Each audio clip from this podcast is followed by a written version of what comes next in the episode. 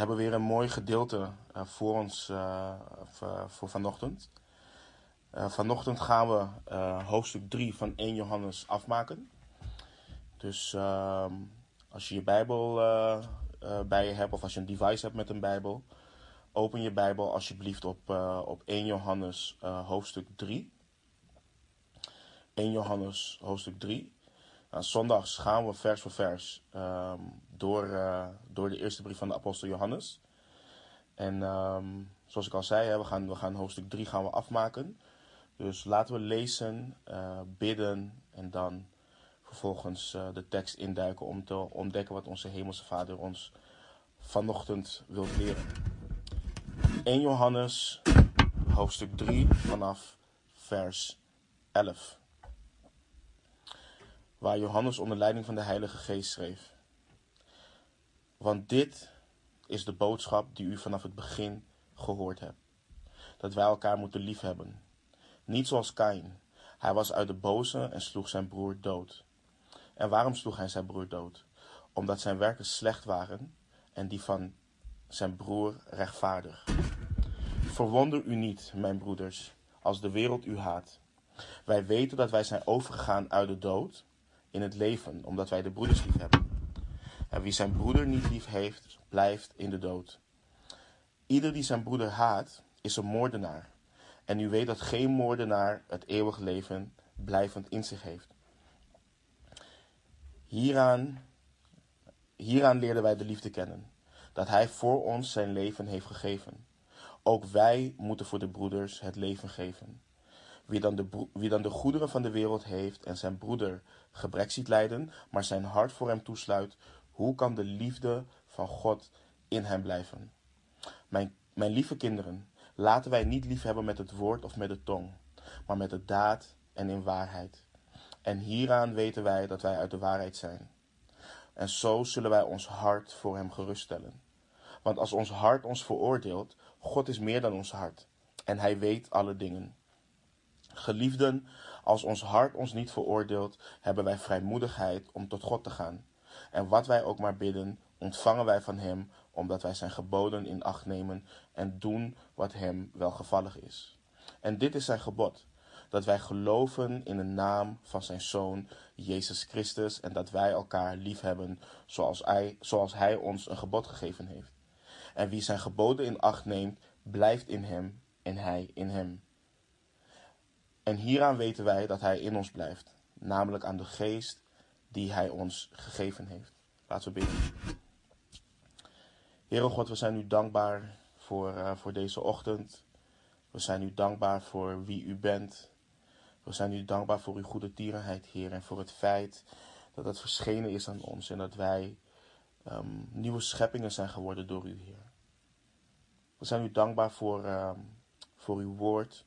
We zijn u dankbaar, Heer, dat u ons uw woord gegeven hebt, Heer, en dat wij u daarin mogen leren kennen. En dat u door het werk van uw geest ons wilt veranderen. Um, door middel van uw woord ook, Heer. En Vader, u weet wat voor week wij achter de rug hebben.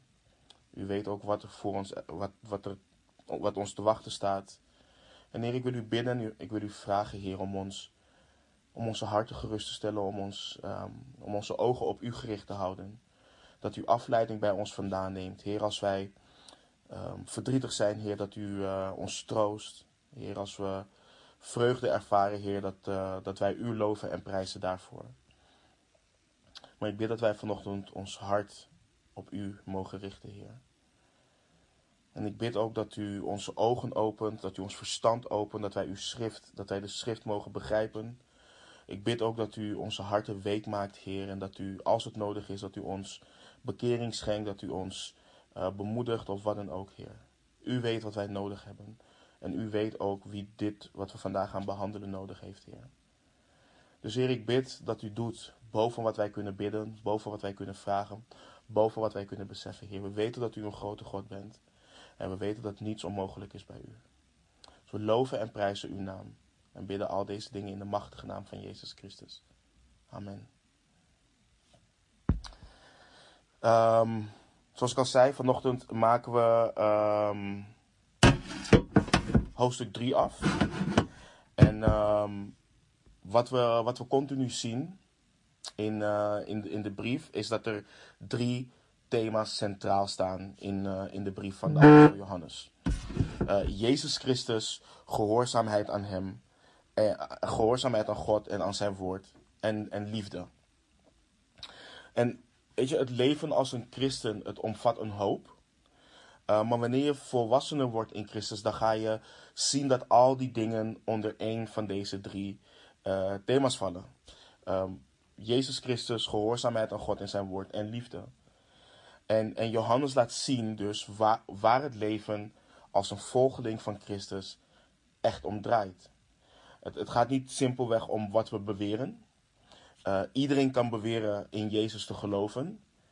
Uh, maar iemand moet daadwerkelijk uit God geboren zijn. En iemand die daadwerkelijk uit God geboren is, door, door zijn of haar geloof in Christus, die verandert ook compleet. Um, de Bijbel leert ons dat je een, een nieuwe schepping wordt. En je wandelt niet meer overeenkomstig de begeerte van het vlees, dus wat jij zelf wilt.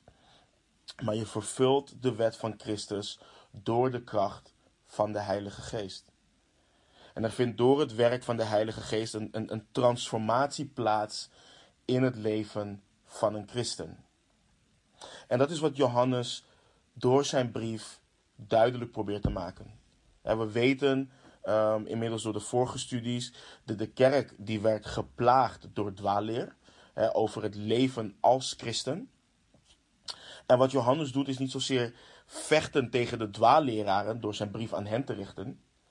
Uh, hij richt zich juist op de kudde door te onderwijzen waar het echt om gaat. Hij geeft hen zelf manieren om te toetsen wanneer iemand uit het geloof is. Of in het geloof is. En, en, en Johannes schreef dat een persoon die gemeenschap heeft met Christus in het licht wandelt. En het kan ook niet anders, want God is licht en in hem is in het geheel geen duisternis. De persoon die gemeenschap met God heeft, beleidt zijn of haar zonde.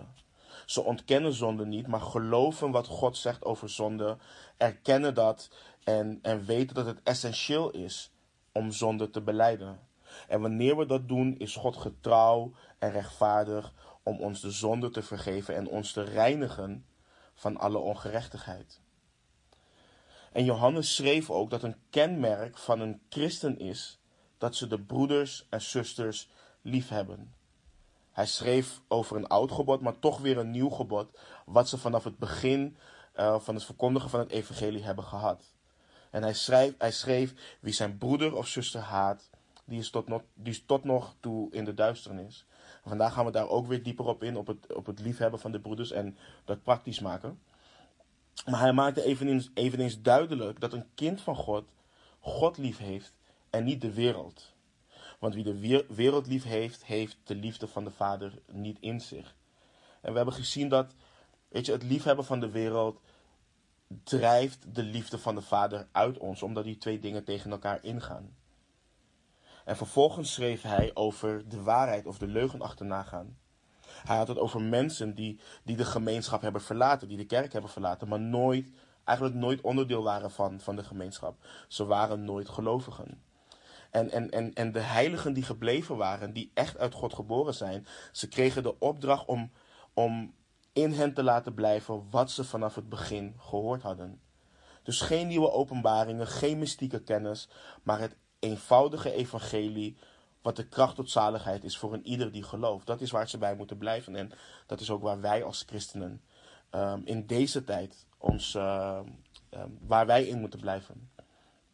En we hebben ook gekeken naar de hoop, de zekerheid die we hebben wat betreft de terugkomst van Jezus Christus.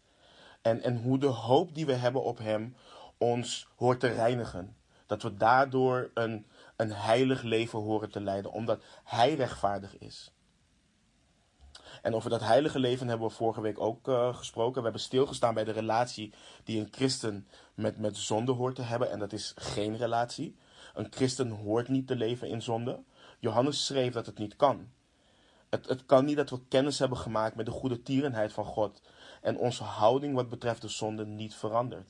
Dat we weten dat Christus is gekomen om om ons vrij te maken van de zonde. En dat hij is gekomen om het werk van de duivel te verbreken. En in, het laatste gedeelte van vers 10 van vorige week um, luidde Johannes al het thema wat we vandaag weer gaan behandelen. Liefde tussen broeders en zusters onderling.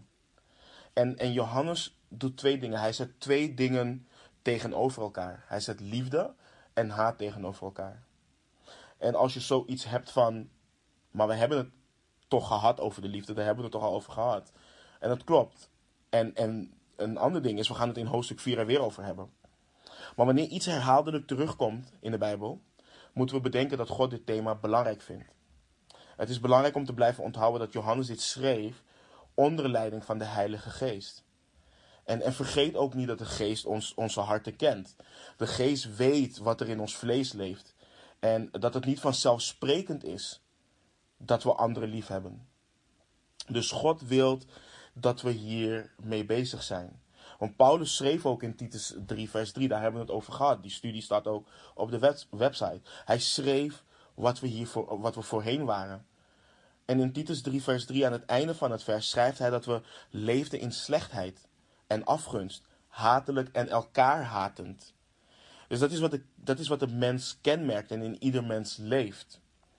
En, en, en begrijp me niet verkeerd, er zijn en er bestaan mensen die, die goede dingen doen voor anderen. Uh, die oprecht op een wereldse manier anderen kunnen liefhebben. Maar de geest maakt juist duidelijk dat dit in een ieder van ons leeft als gevallen mensen. Weet je, we denken altijd, uiteindelijk denken we altijd aan onszelf. Iemand zei laatst ook tegen me, ze zei, weet je, ik ben, ik ben in. Ik ben ervoor in om anderen te helpen. Maar het, het kan toch niet ten koste gaan van, van jezelf. En, en werelds gezien snap ik die gedachte. Maar als ik naar het kruis kijk, dan zie ik dat het wel kan en dat het ook iets is wat van ons gevraagd wordt. En je ziet dit ook terug in de wereld van de psychologie. En, en dat is waarom ik niet geloof in psychologen en geloof dat het woord van God het enige is wat een probleem bij de kern aanpakt. Um, ook bijvoorbeeld als het gaat om burn-outs. En je hoort vaker nu binnen christelijke cirkels uh, dat wanneer iemand tegen een burn-out zit, uh, psychologen adviseren: ja, je moet, je moet nu echt aan jezelf gaan denken. Je moet echt je grenzen gaan aangeven.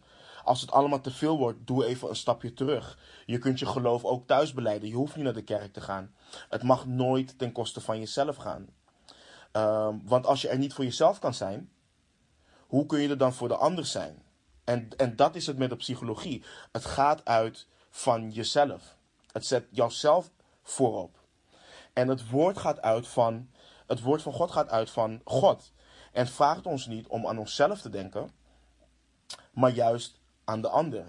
Want dat is exact hoe Christus ons heeft liefgehad. En dat is wat Johannes ons uh, duidelijk gaat maken. En Johannes pakt weer, zoals gewoonlijk, pakt hij zijn kwasten met zwarte en witte verf en hij mengt die kleuren niet. Er is geen grijs gebied bij Johannes. Het is of liefde of haat. En daarin legt hij de dwaalleer van de dwaalleraren bloot. Johannes gaat laten zien wat de wereld kenmerkt en hoe haat tot uiting komt richting rechtvaardigen eh, van God. En hoe de liefde van God eruit ziet en hoe dat tot uiting hoort te komen um, bij Gods, onder Gods kinderen. Dus als we vanaf vers 11 erin duiken, dan lezen we dat Johannes schrijft: Want dit is de boodschap die u vanaf het begin gehoord hebt: dat wij elkaar moeten liefhebben. Dus Johannes begint, of gaat verder in, in, in het hoofdstuk met een duidelijk gebod. En hij laat ook weten dat het gebod niet nieuw is. Dit is een gebod wat verkondigd is en verkondigd wordt vanaf het begin van het prediken uh, van het evangelie. Liefde onder elkaar voor broeders en zusters. En we weten ook waar Johannes dit gebod heeft gehoord toen we door het evangelie van Johannes heen gingen. En het gebod lijkt zo'n impact op hem, op hem te hebben gehad dat hij er continu op terugkomt. En het is ook goed om even terug te gaan naar het moment. We weten dat in, in Johannes 13, de Heere Jezus en de apostelen die bevinden zich in de bovenkamer. En niet lang hierna zal de Heere Jezus overgeleverd worden aan de Joodse uh, leiders en onschuldig, onschuldig veroordeeld worden.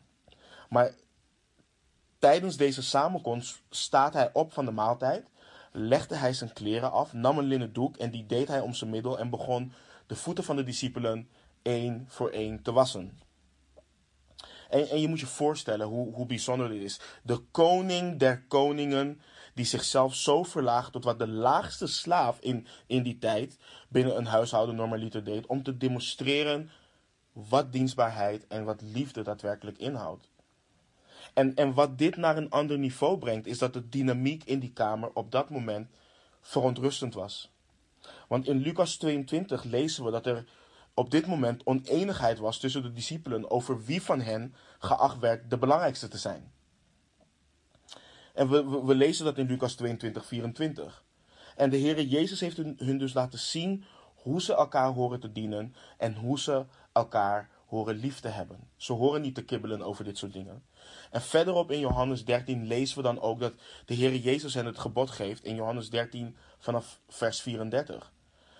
Een nieuw gebod geef ik u, namelijk dat u elkaar lief hebt zoals ik u lief gehad heb. Moet u ook elkaar lief hebben. Hierdoor zullen allen inzien dat u mijn discipelen bent, als u liefde onder elkaar hebt. En Johannes denkt dus ongetwijfeld hieraan wanneer hij de broeders en zusters dit gebod weergeeft. Hij schrijft dus dat ze elkaar moeten liefhebben. En dit is niet simpelweg aardig doen tegen elkaar. Dit is niet simpelweg elkaar tolereren of elkaar verdragen. Johannes heeft het hier over goddelijke liefde. Hij, hij heeft het over de liefde waarmee Christus ons heeft liefgehad. En, en als je dan een definitie daaraan geeft, als je, de, als je definieert, als je dat definieert, dan zien we dat de liefde van Christus een zelfopofferende, zorgzame houding is die tot uiting komt in het zoeken naar het hoogste goed van degene die de liefde ontvangt. Dus de liefde van Christus denkt onbaatzuchtig aan de ander. De Heer Jezus heeft zichzelf voor ons opgeofferd. En wat is het resultaat hiervan? Dat ieder die in Jezus Christus gelooft voor de vergeving van zonde vergeven en verzoend wordt met God. En niet alleen dat, dat we ook nog eens delen in de heerlijkheid en, en dat we erfgenamen zijn gemaakt met de Heer Jezus Christus. Dat is wat Hij voor ons heeft gedaan. Wij die zijn liefde ontvangen. En hij liet daarin het feit dat hij de toorn van God over zich heen zou krijgen, hem niet tegenhouden. Hij dacht niet aan zijn eigen ongemak. Hij, hij zette zichzelf daar niet in voorop. En als je dan kijkt naar haat, dat is het tegenovergestelde van liefde. En als we de definitie van haat dan erbij pakken en we kijken dan naar wat we net over liefde hebben gezegd, dan kunnen we concluderen dat haat uh, en het, dus het ontbreken van liefde een egoïstische en ongevoelige houding is, waarin er niet wordt gezocht naar het hoogste goed van de ander, maar juist de eigen belangen voorop staan. Men zegt dan: Ik zal je helpen als ik er zelf ook wat aan heb. Of als het me niet al te veel moeite kost. Maar wanneer een puntje bij paaltje komt, dan kies ik altijd voor mezelf. En dat, laatste kan en mag, niet regeren tussen broeders en zusters in Christus. Johannes uh, ziet dat laatste als wat de wereld kenmerkt. En Johannes zet die twee tegenover elkaar. En in vers 12 krijgen we dus een voorbeeld van haat en hoe haat dus uh, tot uiting kan komen. Het ontbreken van liefde. En we lezen in vers 12 niet zoals Kain. Hij was uit de boze en sloeg zijn broer dood. En waarom sloeg hij hem dood? Omdat zijn werken slecht waren en die van zijn broer rechtvaardig. Dit is trouwens voor de oplettenden, dit is het enige vers in deze brief waarin Johannes expliciet verwijst naar het Oude Testament. En, en, en wat hij doet is helemaal naar het begin gaan. Hij geeft een voorbeeld van Kain, de zoon van Adam, die zijn broeder haatte, die zijn broer haatte en vervolgens doodsloeg. En, en we komen dit tegen in Genesis 4. We leren in het verslag um, dat Kain van de opbrengst van de aardbodem aan de Heer een offer bracht. En dat Abel van de eerstgeboren, eerstgeborene van zijn kleinvee en van hun vet offerde. En God accepteerde het offer van Abel, maar op het offer van Kain sloeg hij geen acht. Hij accepteerde het niet. En waarom niet? En het mooie is, de Bijbel is het beste commentaar op de Bijbel. Dat zeg ik al een paar weken. In Hebreeën 11, vers 4 leren we het volgende. Door het geloof heeft Abel God een beter offer gebracht dan Kain. Daardoor kreeg hij getuigenis dat hij rechtvaardig was. Dit heeft God met het oog op zijn gave getuigd. En door dit geloof spreekt hij nog nadat hij gestorven is. Dus we zien dat geloof centraal staat hier. En geloof is een reactie op Gods openbaring. We kunnen dus aannemen dat God had geopenbaard wat hij verlangde als het ging om een offer. En Abel gehoorzaamde door geloof en Kain bracht uit trots en ongehoorzaamheid een offer wat God afwees. En, en dat maakte Kain boos. En God confronteerde hem hiermee. In Genesis 4, vanaf vers 6, lezen we: En de Heere zei tegen Kain: Waarom bent u in woede ontstoken en waarom heeft u uw hoofd laten zakken? Is het niet zo dat als u, is het niet zo dat u, als u het goede doet, uw hoofd kunt opheffen? Maar als u niet het goede doet, ligt de zonde aan de deur. Naar u gaat zijn begeerte uit, maar u moet over hem heersen. God waarschuwde hem, maar hij bekeerde zich niet. Hij gehoorzaamde God niet en liet de haat in zijn hart hem verteren. En Johannes schrijft dus, hij was uit, hij was uit de boze. En het is dus hetzelfde als waar, waar Johannes naar refereert, waar, ehm, naar de woorden van de Heer Jezus in het Evangelie van Johannes. Want hij schrijft, hij was uit de boze en sloeg zijn broer dood. En, in, en de Heer Jezus zei in Johannes 8:44, u bent uit uw vader, de duivel, en wil de begeerte van uw vader doen. Die was een mensenmoordenaar uh, vanaf het begin af en staat niet in de waarheid, want er is in hem geen waarheid. Wanneer hij de leugen spreekt, spreekt hij vanuit wat van hemzelf is, want hij is een leugenaar en de vader van de leugen. Dus we le lezen, de duivel is een mensenmoordenaar vanaf het begin. Dus het is niet zo dat moord bij Kain begon. En dit leert ons ook iets heel belangrijks. Want we moeten niet simpelweg zeggen dat de oorsprong van haat in ons hart ligt. Het gaat veel verder dan dat. Het ligt in de duivel. De duivel is een mensenmoordenaar vanaf het begin. En vooropgesteld is het niet zo dat we dus de schuld bij zondige mensen weg kunnen halen en de duivel de schuld van alles kunnen geven. Dat is niet wat dit ons leert. Maar het leert ons wel dat de oorsprong van haat in de duivel ligt. En dat wanneer ons hart geregeerd wordt door haat, we kunnen concluderen uit wie we zijn. En wie's werken wij doen.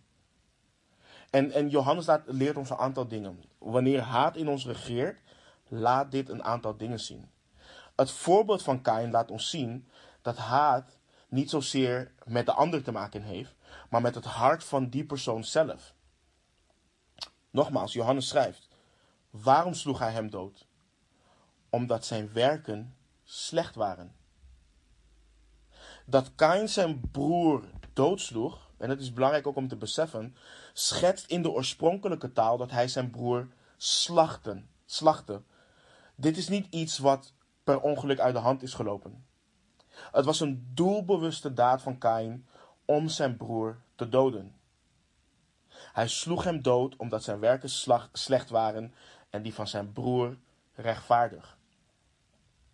Dit laat dus zien dat zonde ten grondslag ligt aan haat. En wat, en wat betekent dit? Dus ook al was zijn haat gericht aan zijn broer en sloeg hij zijn broer dood, lag de kern van het probleem in zijn rebellie tegen God. Wanneer haat het hart van een persoon heeft gevuld, dan moet die persoon dealen met het probleem en dat is zijn of haar rebellie tegen God. Hij of zij hoort, haar, hoort zijn of haar zondig hart te confronteren. En dat is wat God zei tegen Kain. Zonde ligt aan de deur. Naar u gaat zijn begeerte uit. Uh, ja, maar u moet over hem heersen. En, en hoe doen we dat? Door ons te onderwerpen aan God. Door het goede te doen. Door God te laten dealen met ons zondig hart. En dit wat in de mensheid bij Kain en Abel is begonnen, gaat door de eeuwen heen zo door. De rechtvaardigen worden altijd vervolgd door de goddelozen. Want wat heeft het offer van Abel laten zien? En dit is ook heel belangrijk om te beseffen. Dat een leven in geloof en gehoorzaamheid aan God mogelijk is. Het leven van een rechtvaardige laat zien dat ieder mens zich kan bekeren van zijn of haar slechte wegen, maar dat een persoon er bewust voor kiest om daarin te leven. En dat is ook waarom de wereld het getuigenis van de rechtvaardige het zwijgen wilt opleggen. En je ziet dan ook hoe Kain reageerde. En het lijkt bijna alsof hij met zijn daad tegen God wil zeggen: Wilt u bloed? Hier, ik geef u bloed. En haat brengt dus scheiding tussen mensen en kan leiden tot moord. Kijk, de enige reden waarom er niet meer moorden zijn, is omdat men gewoon bang is om gepakt te worden. Men wil niet dealen met de consequenties. Maar als je vaak ook naar de gevangenis, ik heb daar interviews en dat soort dingen over gelezen en gezien, dat als je kijkt naar waarom iemand een andere doodsloeg, is het gewoon dat ze heel vaak. Ik, ik werd zo boos, mijn hart werd gewoon gevuld met haat. En, en daar heb je een groot gedeelte van de mensen die dan nog bewust genoeg is om te weten dat er consequenties volgen op moord. En dat is het enige wat hen tegenhoudt. Dus haat brengt scheiding tussen mensen en kan leiden tot moord. En daarom moeten we daar ook mee dealen. En Johannes leert dus dat dit voorkomt, voortkomt uit zonde in iemands leven en of rebellie tegen God. En daarom schrijft Johannes ook in vers 13. Wat ik net ook zei over dat het leven van een rechtvaardige laat zien dat het mogelijk is om God te gehoorzamen, schrijft Johannes ook: Verwonder u niet, mijn broeders, als de wereld u haat. Johannes leert ons dat we ons niet moeten verwonderen wanneer de wereld ons haat. En het, woord verwonder schetst het idee dat je vol verbazing bent. Dat je ergens van opkijkt. Je, je kijkt er echt van op. En Johannes schrijft dat we dat niet moeten doen wanneer de wereld ons haat. Want de wereld is ook uit de boze, net zoals Kain dat is. En Johannes heeft deze woorden persoonlijk van de Heer Jezus gehoord. In Johannes 15, versen 18 en 19 lezen we. Als de wereld u haat, weet dat zij mij eerder dan u gehaat heeft. Als u van de wereld zou zijn, zou de wereld het hare lief hebben. Maar omdat u niet van de wereld bent, maar ik u uit de wereld heb uitverkoren, daarom haat de wereld u. Dezelfde reactie op de Heere Jezus is dezelfde reactie die wij kunnen verwachten van de wereld. We kunnen niet verwachten, en dat is echt heel belangrijk om te beseffen. We kunnen en mogen niet verwachten dat de wereld Christus in ons anders zal behandelen dan ze Christus 2000 jaar geleden hebben behandeld. We kunnen dat niet verwachten. En vergeet niet dat Johannes de valse leraren juist verwerpt hiermee. Zij die beleiden christenen te zijn, maar hun broeders en zusters vervolgen om hun rechtvaardigheid. En ik heb dit persoonlijk meegemaakt. Je denkt zij aan zij met een broeder of een zuster te strijden. Voor het koninkrijk van de Heer. Maar dan zie je dat die persoon in zonde leeft. En dan wijs je die persoon daarin liefde op. Maar dan wordt het je niet in dank afgenomen. Je wordt zwart-wit genoemd. Je wordt wettisch genoemd. Je wordt te extreem genoemd. En er wordt op een bepaalde manier naar je gekeken omdat je in gehoorzaamheid aan Gods woord leeft. En Johannes leert, dit zijn mensen, ook al beweren ze in Christus te geloven, dit zijn mensen van de wereld. Verwonder je hier niet over. Dus, en hij maakt dus het scherp contrast en vervolgens richt Johannes zich op de kerk, op het lichaam van Christus. En hij geeft in vers 14 het bewijs of een bewijs van de wedergeboorte. Hij schrijft: Wij weten dat wij zijn overgegaan uit de dood in het leven, omdat wij de broeders lief hebben. Wie zijn broeder niet lief heeft, blijft in de dood. Ieder die zijn broeder haat, is een moordenaar. En u weet dat geen moordenaar het eeuwige leven, het eeuwige leven blijvend in zich heeft. Dus let op wat Johannes doet. Hij leert dat we zekerheid kunnen hebben in het feit dat we gered zijn. Dat we overgegaan zijn uit de dood in het leven, dat wij wedergeboren zijn. En een van die tekenen is het feit dat we de broeders en zusters lief hebben. Iemand wiens leven gekenmerkt wordt door zelfzuchtige haat tegen anderen of een gebrek aan liefde, bewijst dat hij of zij nooit nieuw leven in Christus heeft ontvangen. En, en, en dit is ook heel goed om te begrijpen. Kijk, we moeten ons niet vergissen en dingen door elkaar uh, halen. De wereld kan tolerant zijn richting christenen. Ze kunnen christenen verdragen. Maar de wereld houdt niet van christenen. We moeten ons daar niet in vergissen. Een heel goed voorbeeld is, de afgelopen jaren is het de wereld tegen de islam. Dat zie je in Nederland ook. En er werden zelfs dingen gezegd als: waarom kunnen jullie niet net zoals de christenen zijn? Want de christenen die hebben hun naaste lief. Maar toen kwam een tijd geleden, voor de mensen die dat nog weten, de Nashville-verklaring uit. En toen was Nederland te klein. Terwijl de wereld weet dat de, wat de Bijbel onderwijst over het huwelijk. De wereld weet dat. Maar toen een groep christenen ervoor uitkwam en dit ging verdedigen, toen zag je de haat van de wereld. En wat het schrijnender maakt, is dat beleidende christenen, die een liberale houding hebben richting de Bijbel, of wat betreft de Bijbel, zich aansloten bij de wereld om te laten zien: wij accepteren het wel. Wij zijn niet zo. Bij ons kan iedereen zichzelf zijn. En dan zie je dat ze samen met de wereld hun eigen broeders en zusters vervolgen. En Johannes laat zien over dit soort beleidende christenen, ze zijn nooit overgegaan uit de dood in het leven.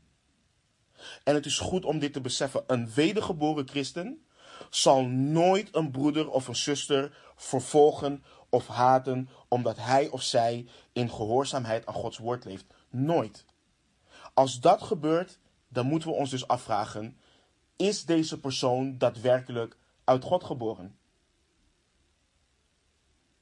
En Johannes laat in vers 16 zien wat het ultieme voorbeeld van liefde is. En daar kunnen we wat uit leren. Zeker met de definitie wat de wereld en ook een groot deel van de kerk heeft tegenwoordig over liefde.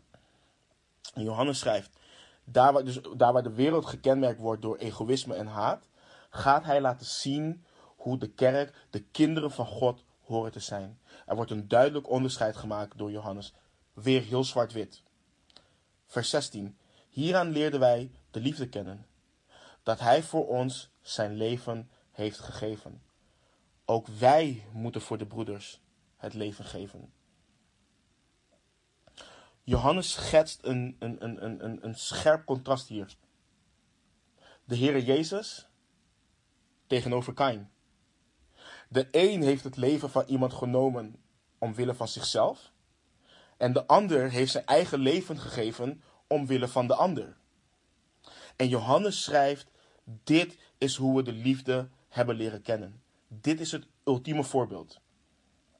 Johannes schrijft dat we de liefde hebben leren kennen door het feit dat de Heere Jezus zijn leven voor ons heeft gegeven. En ik heb het al vaker gezegd, maar ik doe het toch voor de context zodat we dit goed begrijpen. Het woord kennen hier leert ons niet dat we iets op intellectueel niveau kennen of weten. Dit leert ons dat we kennis, dat we persoonlijk kennis hebben gemaakt met liefde. Dat we het kennen, dat we ervaring hebben gehad met liefde. En, en hoe weten wij dit? Hoe hebben we hier kennis meegemaakt? Door het kruis.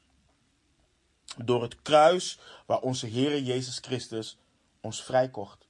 Waar Hij bloedde voor jou en voor mij en waar Hij de prijs betaalde. Aan het kruis demonstreerde God ons dat Hij van ons houdt.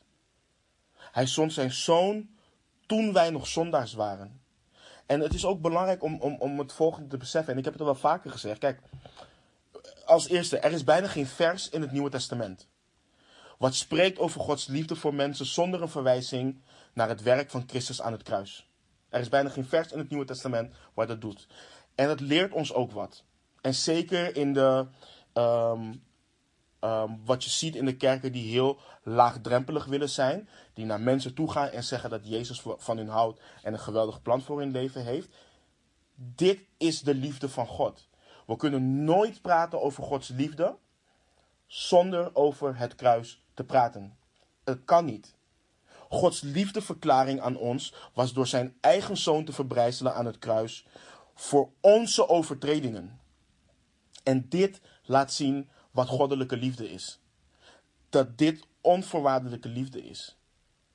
Dat Gods liefde een vorm van liefde is wat wij niet kennen en wat wij ook niet uit onszelf voor elkaar kunnen opbrengen. En ik weet wat er in mijn hart leeft. Ik weet hoe verdorven mijn hart was en ik weet dat de oude mens nog steeds in mij leeft. En dan denk ik aan het kruis. En aan de ene kant begrijp ik het, maar ik begrijp het ook niet in de zin van het is zo onvoorstelbaar. Dat God zo ver is gegaan om mij met Hem te verzoenen. En als ik weet hoe ik ben, laat dan God die de harten doorzoekt, dat Hij alsnog zijn zoon die rechtvaardig is, zijn zoon die in eeuwigheid in gemeenschap met Hem leefde, zichzelf heeft ontledigd voor verdorven mensen. Dit is liefde. Dit is de pure vorm van liefde. En Johannes schrijft dit ook in het volgende hoofdstuk, in 1 Johannes 4, vers 10. Hij schrijft: Hierin is de liefde. Niet dat wij God lief, hebben lief gehad hebben, maar dat Hij ons heeft lief gehad en zijn zoon zond als verzoening voor onze zonden. Het is alsof Johannes liefde in zijn hand heeft en zegt: Dit, hier moet je naar kijken, dit is liefde. Dat schrijft hij over het offer van Christus voor ons. En ik hoop, ik bid, dat net zoals we vorige week hebben besproken, we mogen beseffen hoe verloren we waren. Als het nodig was dat de Zoon van God zijn leven moest geven om ons vrij te kopen van de zonde. Maar ik hoop ook het volgende. Dat we ook mogen beseffen hoe groot Gods liefde is. Dat zijn Zoon voor ons het leven heeft gegeven. Als je ooit twijfelt aan de liefde van God, kijk naar het kruis. En ik bid dat dit ons hart week mag maken voor de liefde van God en ons hart mag vullen met liefde voor Hem. En Johannes stopt niet daar, hij geeft ons een toepassing. Dat Christus zijn leven voor ons heeft gegeven, betekent wat voor de, broeder, voor de relatie tussen broeders en zusters onderling. Voor hen die beweren te geloven. Hij schrijft dat ook wij um, voor elkaar ons leven moeten geven. En dit brengt liefde, dit brengt elkaar liefhebben naar een ander niveau. Ik zei het net al aan het begin van de studie. Als we naar de Bijbelse definitie van liefde kijken, dan zien we een zelfopofferende, zorgzame houding die tot uiting komt in het zoeken naar het hoogste goed van degene die de liefde ontvangt. Dit is wat eh, van ons gevraagd wordt richting elkaar als broers en zussen. Dit is wat binnen het lichaam van Christus hoort te regeren. En als je dit even praktisch bekijkt, dan is het zo dat de meeste van ons in een positie gebracht worden waar we. Dan is het niet zo dat um, de meeste van ons in een positie gebracht worden waar we letterlijk het leven voor elkaar moeten geven. Maar Johannes maakt het heel praktisch in de volgende versen. En hij schrijft eigenlijk dat als de ultieme vorm van liefde, als broers en zussen onder elkaar, het geven van het leven voor elkaar, voor, voor de ander is, dan is het volgende wat we gaan lezen het minste wat we voor elkaar moeten en kunnen doen. Hij schrijft, wie dan de goederen van de wereld, van de wereld heeft, vanaf vers 17, en zijn broeder gebrek ziet lijden, maar zijn hart voor hem toesluit, hoe kan de liefde van God in hem blijven? Weet je, beweren dat we voor de ander zouden sterven is makkelijk. Maar als je dit al niet wilt doen, dan betekent het niets om te zeggen dat je zou sterven voor je broer of zus in Christus. En lieve mensen, dit is iets wat thuis al begint. Ik heb het vorige keer al duidelijk gemaakt. Mannen, je vrouw is ook je zuster.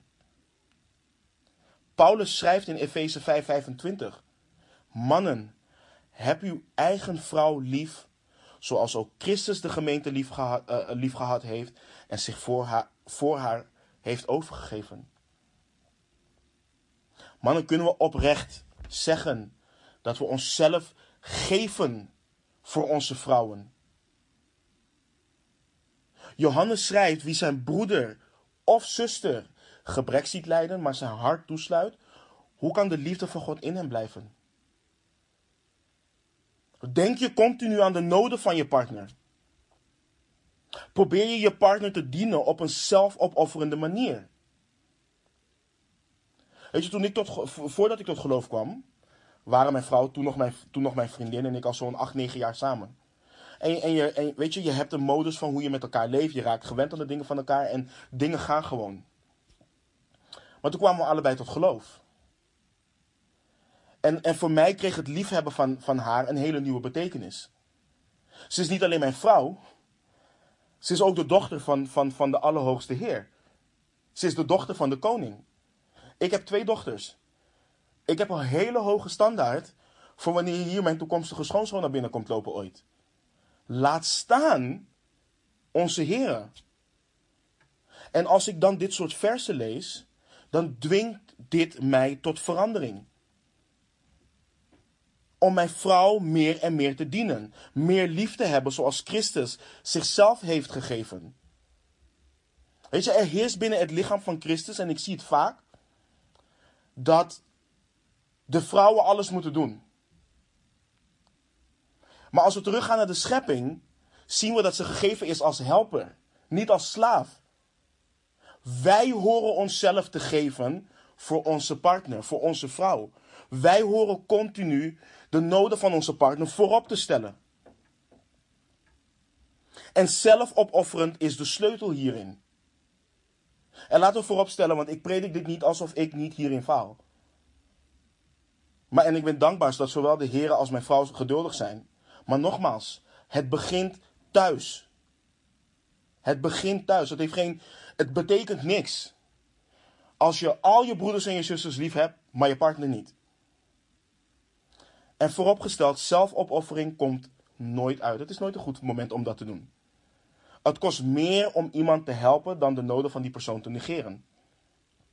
Maar Johannes maakt juist het punt dat we op een praktische manier elkaar moeten liefhebben. We horen niet de behoeften van onze broeders en zusters te negeren. We horen niet de behoeften van onze partner te negeren. We horen daar serieus mee om te gaan.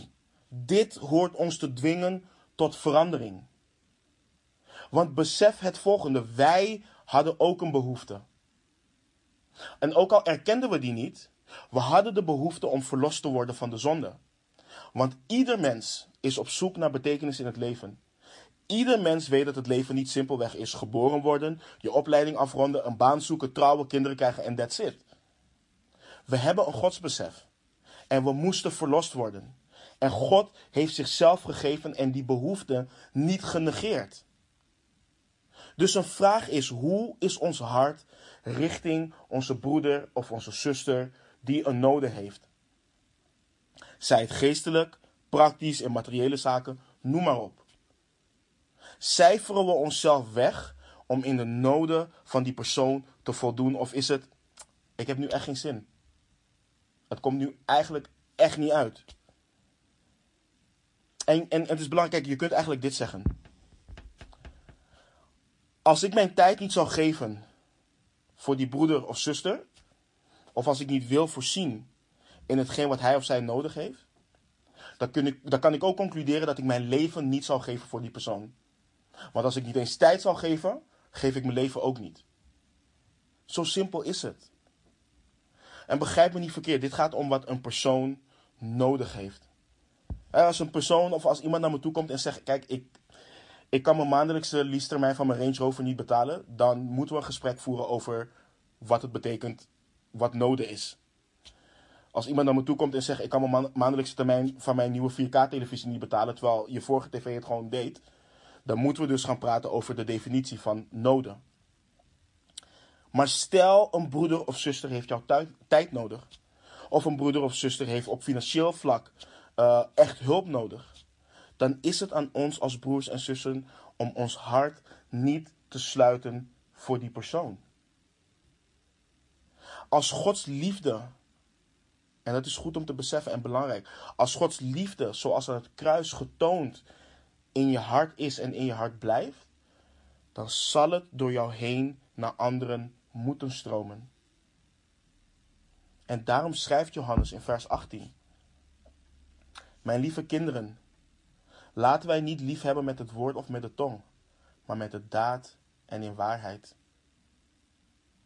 We zien dus keer op keer dat het niet gaat om alleen wat we beweren.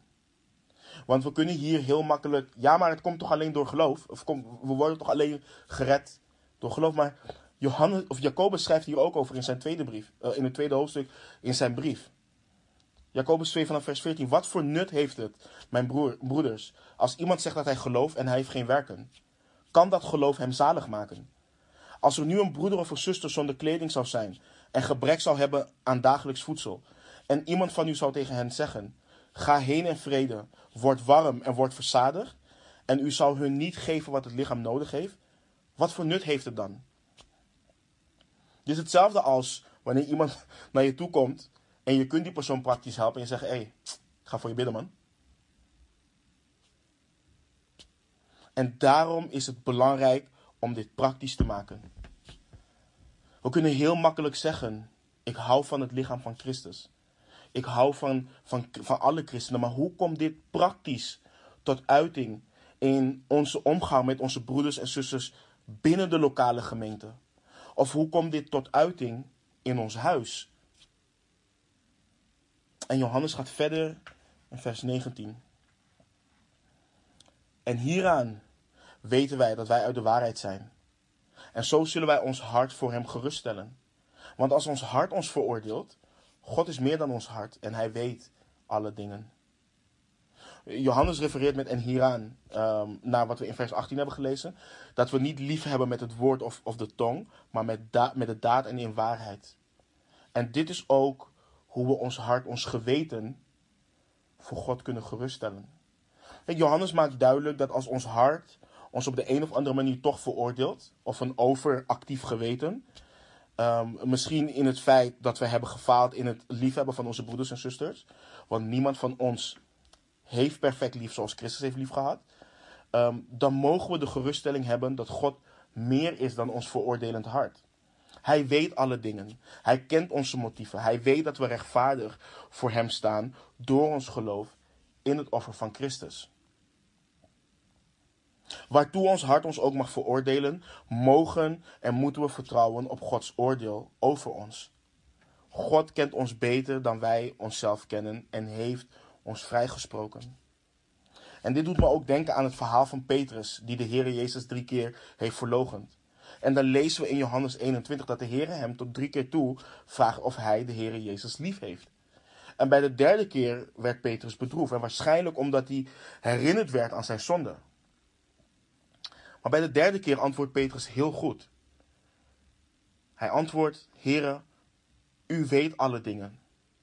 U weet dat ik van u hou. En Petrus zegt in, in feite: Voor zover ik in mijn hart kan kijken, hou ik van u. Maar u kent mijn hart. U weet alle dingen. Ik vertrouw op wat u zegt. Want daarvoor heeft hij vertrouwd op zijn eigen hart. Dat hij de Heere Jezus nooit zal verloochenen.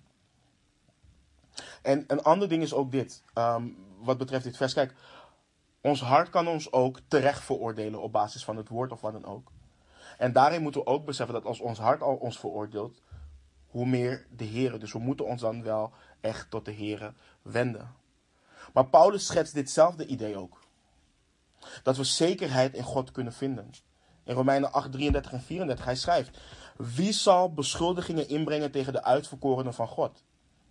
God is het die rechtvaardigt. Wie is het die verdoemt? Christus is het die gestorven is. Ja, wat meer is, die ook opgewekt is. Die ook aan de rechterhand van God is. Die ook voor ons pleit. En belangrijk is om het verschil daarin te herkennen ook. Wanneer Gods geest ons overtuigt of veroordeelt, overtuigt Hij ons om ons te herstellen en te verzoenen met God. Dat is wat de geest doet. Terwijl wanneer ons hart ons wilt veroordelen of zelfs de vijand, dan is dit altijd op basis van verdoemenis.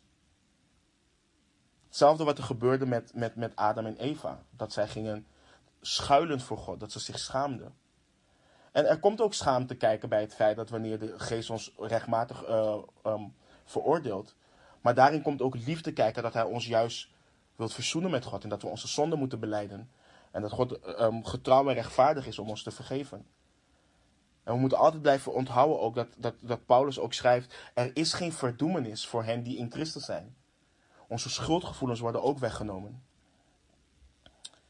En Johannes wil ons dit dus juist wil ons die zekerheid eh, geven. En vooropgesteld, kijk, geen enkele christen hoort luchtig om te gaan met zonde. Dat hebben we vorige week al behandeld. Maar geen enkele christen hoort strenger voor zichzelf te zijn dan God voor hem of haar is. En het gaat niet om hoe wij ons voelen, want ons gevoel is misleidend. Ons hart is argelistig boven alles. Het is daarom belangrijk dat we staan op het woord van God, wat nooit verandert. En hij schrijft ook dan vanaf vers 21. Geliefden, als ons hart ons niet veroordeelt, hebben wij vrijmoedigheid om tot God te gaan. En wat wij ook maar bidden, ontvangen wij van Hem, omdat wij Zijn geboden in acht nemen en doen wat Hem welgevallig is. Dus wanneer we een rein geweten hebben, dan kunnen we in vrijmoedigheid tot God naderen. En die vrijmoedigheid ligt, um, ligt in Christus. Op basis van het feit dat Gods geest met onze geest getuigt dat wij Gods kinderen zijn. En ik hoop, ik hoop echt dat het een geruststelling voor je is. Dat je in vrijmoedigheid tot God mag naderen. We hebben vrije toegang als kinderen om tot onze Vader te naderen. En het blijft niet daarbij. Johannes schrijft dat wat wij ook maar bidden, wij van Hem zullen ontvangen. Omdat wij zijn geboden in acht nemen en doen wat Hem welgevallig is. En, en vooropgesteld, dit betekent niet dat je van je broers en zussen gaat houden om je gebeden verhoord te krijgen. Dat is niet wat Johannes ons leert. Het betekent dat je liefde voor je broers en zussen je juist bewijst dat je leeft in de wil van God, waar God jouw gebed kan beantwoorden. En deze woorden zijn niet nieuw. Johannes heeft dit ook direct van de Heer Jezus gehoord in Johannes 15, vers 7. Als u in mij blijft en mijn woorden in u blijven, vraag wat u maar wilt en het zal u ten deel vallen. Of in vers 16 van Johannes 15. Niet u hebt mij uitverkoren, maar ik heb u uitverkoren. En ik heb u ertoe bestemd dat u zou heen gaan en vrucht dragen. En dat u vrucht zou blijven. En dat u vrucht zou blijven, opdat wat, opdat wat u ook maar vraagt, van de Vader vraagt, in mijn naam, hij u dat geeft. Dit leert ons ook dat God niet luistert naar de goddelozen. En begrijp me niet verkeerd, wanneer iemand um, um, uitroept naar God, uitroept naar Christus voor de vergeving van zijn of haar zonde, dan zal, eh, met een oprecht hart, dan zal God dat gebed verhoren. Maar als ongelovigen kunnen we niet verwachten dat we God ongehoorzaam zijn en dat Hij ons ook nog eens zal geven wat we willen, of dat Hij onze gebeden ook nog eens zal verhoren. En ook nog eens is het dat niet als we om een Range Rover of een Rolls Royce vragen, dat God ons dat zal geven. Het gaat niet om wat wij willen. Het is ook belangrijk om daarin het onze Vader in, gedachten te houden. Wanneer de Heer Jezus de discipelen leert bidden, dan zien we in Matthäus 16, uh, 6, vers 10. Uw koninkrijk komen, uw wil geschieden zoals in de hemel, zo ook op de aarde. Wanneer wij Gods geboden in acht nemen, wanneer wij zijn wil leren kennen, dan zal zijn wil ook onze wil worden. We zullen gaan vragen om de dingen die hem behagen, omdat we van hem houden. We gaan juist bidden dat zijn wil zal geschieden in een situatie. We gaan vragen en smeken dat de ziel van een persoon gered wordt. We zullen gaan vragen om vrijmoedigheid en woorden van eeuwig leven wanneer we het evangelie uh, delen. Dus wanneer we God meer en meer gaan leren kennen, zullen we uiteindelijk niets buiten zijn wil om gaan vragen. En ik, en ik bid en ik hoop voor een ieder die meeluistert, dat we zullen leven voor de glorie van God. Dat we zullen leven om Hem te verheerlijken. Want we zullen ons meer en meer tot Hem in gebed gaan wenden en Hem smeken om de dingen die Hij wilt. En op die manier zullen we ook praktischer en meer gaan bidden voor onze broers en zussen in Christus. We hebben door onze Heer Jezus Christus vrije toegang tot Gods troon. Prijs Hem daarvoor. God wil naar ons luisteren. Hij wil dat we tot Hem bidden. En een vraag is, ben je Hem dankbaar daarvoor? En hoe uit dat zich? En ik stel deze vragen niet om je te doen twijfelen aan je geloof of je te veroordelen. Maar ik merk wel dat Gods woord mij laat zien waarin ik mag groeien. En ik ben Hem daar dankbaar voor. En ik wil dat voor een ieder van ons. Dat we zijn geboden in acht nemen en dat we, dat we doen wat Hem welgevallig is. En we mogen bidden naar Zijn wil en dat Hij onze gebeden verhoort. En ik hoop dat dit ook een verlangen van, van, van jou is. En om het hoofdstuk af te sluiten, richt Johannes onze aandacht op uh, de goede werken van de Heer Jezus Christus en de Heilige Geest in plaats van op ons eigen hart. Vers 23. En dit is zijn gebod: dat wij geloven in de naam van zijn Zoon Jezus Christus. En dat wij elkaar lief hebben, zoals hij ons een gebod gegeven heeft. En wie zijn geboden in acht neemt, blijft in hem en hij in hem. En hieraan weten wij dat hij in ons blijft, namelijk aan de geest die hij ons gegeven heeft. Johannes wil ons duidelijk maken dat we de zekerheid, de absolute zekerheid ehm, die we hebben wat betreft onze redding, dat het van God komt. En van God alleen. En dat we aangemoedigd worden om in Christus te blijven. We worden aangespoord om in zijn geboden te wandelen en die in acht te nemen. Maar Johannes herinnert ons eraan, met de wijsheid ontvangen van de geest, dat de enige reden dat we in staat zijn om in hem te blijven, komt door het feit dat hij in ons blijft. En dat het komt door zijn goede werken. Niet door onze goede werken, niet door onze goede bedoelingen, niet door onze eigen discipline. Christus blijft in ons door geloof. Door geloof in Hem. En daarom geeft Hij ons het gebod om te geloven in Zijn naam, in wie Hij is. Want Hebreeën 11, vers 6 leert ons ook dat het onmogelijk is om God zonder geloof te behagen. En hij maakt dus ook het punt dat oprecht geloof, uh, dat het oprecht geloof is wat ons in, in, in een relatie met Christus brengt, maar dat het ook resulteert in het feit dat de Heilige Geest in ons komt wonen. Dat we tot wedergeboorte komen, dat we verzegeld worden met Gods Geest. Het is alleen door het werk van de Geest dat we in staat zijn om elkaar lief te hebben. En Johannes geeft ons de zekerheid en prijs God daarvoor. Kijk, als je twijfelt aan je redding, prijs God voor vers 24. En, en, de geest geeft ons zekerheid en vertrouwen. De geest geeft ons geloof in de goedheid van de Vader. Het is de Heilige Geest die ons geloof geeft in het volmaakte en volledige werk van Christus de Zoon. En voortdurend ons de kracht geeft om getuige van Hem te zijn. Weet je, ik was van weinig zeker in het leven voor mijn bekering. Ik wist veel, maar van weinig was ik zeker. En er is één ding wat ik nu zeker weet: dat Gods geest met mijn geest getuigt dat ik zijn kind ben. En dit doet hij met al zijn kinderen. En we mogen erop vertrouwen en God prijzen dat hij ons vast heeft in zijn handen als zijn kinderen en dat we het cadeau hebben ontvangen van eeuwig leven. En ik bid, en, en ik bid dat je bemoedigd mag zijn en dat Gods geest het werk in je zal doen. Um, en je ook op een praktische manier van je broers en zussen in Christus mag houden. Kijk, ik kan, ik kan, een, ik kan makkelijk een lijst opnoemen met wat we moeten doen. En ik kan 30 plus versen citeren waar wordt geschreven hoe onze houding richting, richting elkaar hoort te zijn. Maar ik wil niet, en, en, en, en de Bijbel leert ook dat God dat niet wil voor ons, dat we met een checklist gaan werken. Dat we op onze eigen werken gaan vertrouwen. Maar dat we in vrijmoedigheid naderen tot degene die de werken voor ons heeft klaargelegd.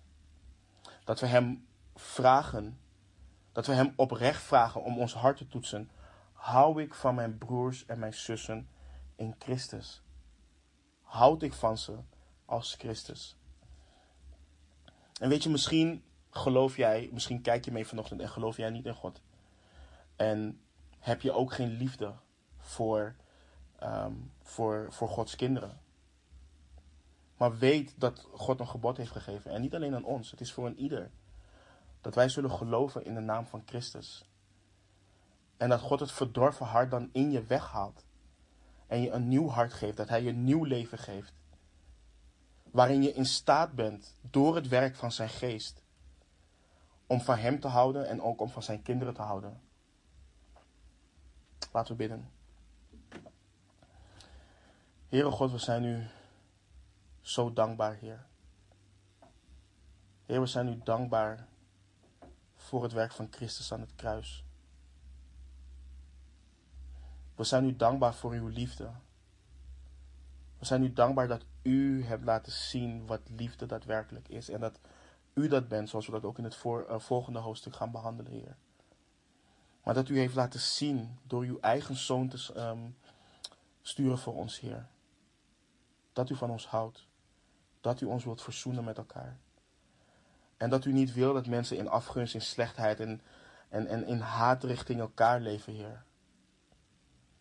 Maar dat wij als uw beelddragers van elkaar houden, zoals u van ons houdt, Heer. En Heer, ik bid voor een ieder van ons hart. En ik bid dat u zult laten zien waar ons hart niet gevuld is met uw liefde. En ik bid dat u ons zal overtuigen dat als er iets is tussen een broeder en een zuster, dat wij ons daarvan zullen bekeren, dat we dat, we dat, dat zullen beleiden. En dat we die broeder of zuster zullen gaan liefhebben zoals Christus zichzelf voor ons heeft gegeven. Heer, ik bid dat u doet boven wat wij kunnen bidden, Heer. En ik bid dat de wereld zal zien dat, hoe, dat door hoe wij elkaar lief hebben, dat zij zullen zien dat wij uw getuigen zijn, dat wij volgelingen van Jezus Christus zijn. Dus laat de liefde onderling ook regeren, laat het heersen, opdat wij u mogen verheerlijken en opdat u verheerlijkt mag worden, Heer. Vader, we loven en prijzen uw naam en bidden al deze dingen in de machtige naam van onze Heer Jezus Christus. Amen.